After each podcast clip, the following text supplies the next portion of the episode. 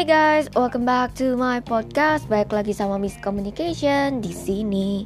Nah kali ini yang mau gue bagikan itu ada 5 hal cara bisa untuk mengenali karakter asli seseorang. Yang pertama, coba cek reaksi terhadap tekanan atau saat orang itu disakiti oleh orang lain atau waktu lagi marah gitu kan. Terus yang kedua, sikapnya terhadap orang yang lebih lemah. Kalau misalnya mereka lebih lemah, itu bakal seperti apa? Gitu. Yang ketiga, perlakuannya terhadap orang tua, keluarga, dan pembantunya.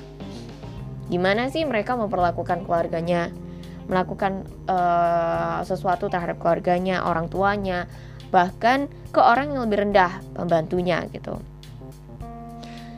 Dan yang keempat, gaya hidupnya dan apa yang sering dibicarakan.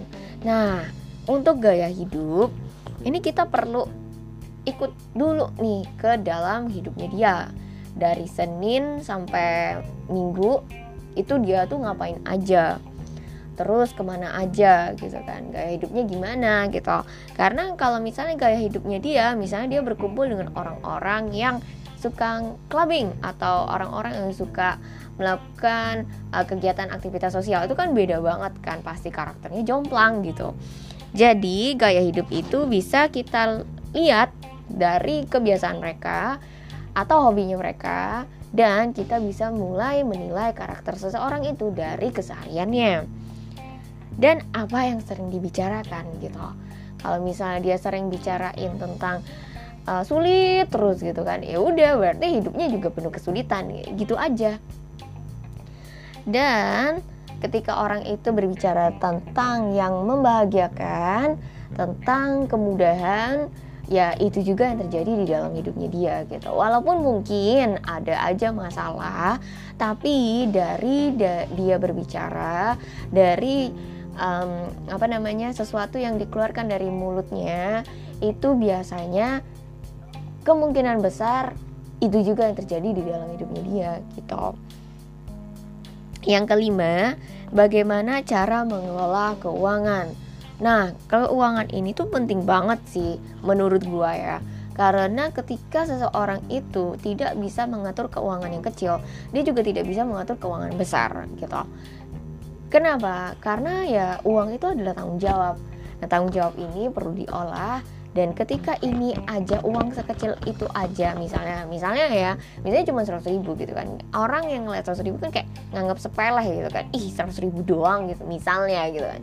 Ya tapi kalau misalnya seratus ribu ini dikelola dengan bijak itu tuh nggak akan jadi seratus ribu selamanya gitu. seratus ribu akan menjadi yang bertambah bukan berkurang. Nah pengelolaan uang ini kenapa penting? Itu juga melibatkan karakternya seseorang gitu. Tanggung jawab kecil terhadap uang. Jika dilakukan dengan benar dia juga bisa mengemban atau men mengelola tanggung jawab yang lebih besar lagi. Karena segala sesuatunya itu merupakan persiapan dan karakternya orang itu terbentuk ya dari lima hal ini. Mungkin ada lagi di luar sana uh, dari lebih dari lima faktor ini. Tapi lima hal ini yang penting untuk kita uh, fokuskan sebagai poin dalam menilai karakter seseorang. Nggak cuman dari sekali kenal sekali lihat langsung langsung langsung tahu ah iya karakternya dia gitu. Jangan gitu gitu kan. Kenapa? Karena ya penilaian itu tuh berdasarkan proses dan dengan mengenal karakter seseorang baru kita benar-benar bisa menilai mereka secara objektif gitu, bukan subjektif. Benar-benar objektif sesuai dari takarannya dia gitu. Jadi lima hal ini yaitu yang pertama reaksi terhadap tekanan, kedua sikapnya terhadap orang yang lebih lemah, apakah dia sopan, apakah dia tidak sopan, apakah dia menghina, apakah dia tidak menghina gitu kan. Itu bisa dilihatlah karakternya Terus ketiga, perlakuannya terhadap orang tua, keluarga, dan pembantunya. Keempat, gaya hidupnya, apa yang sering dibicarakan.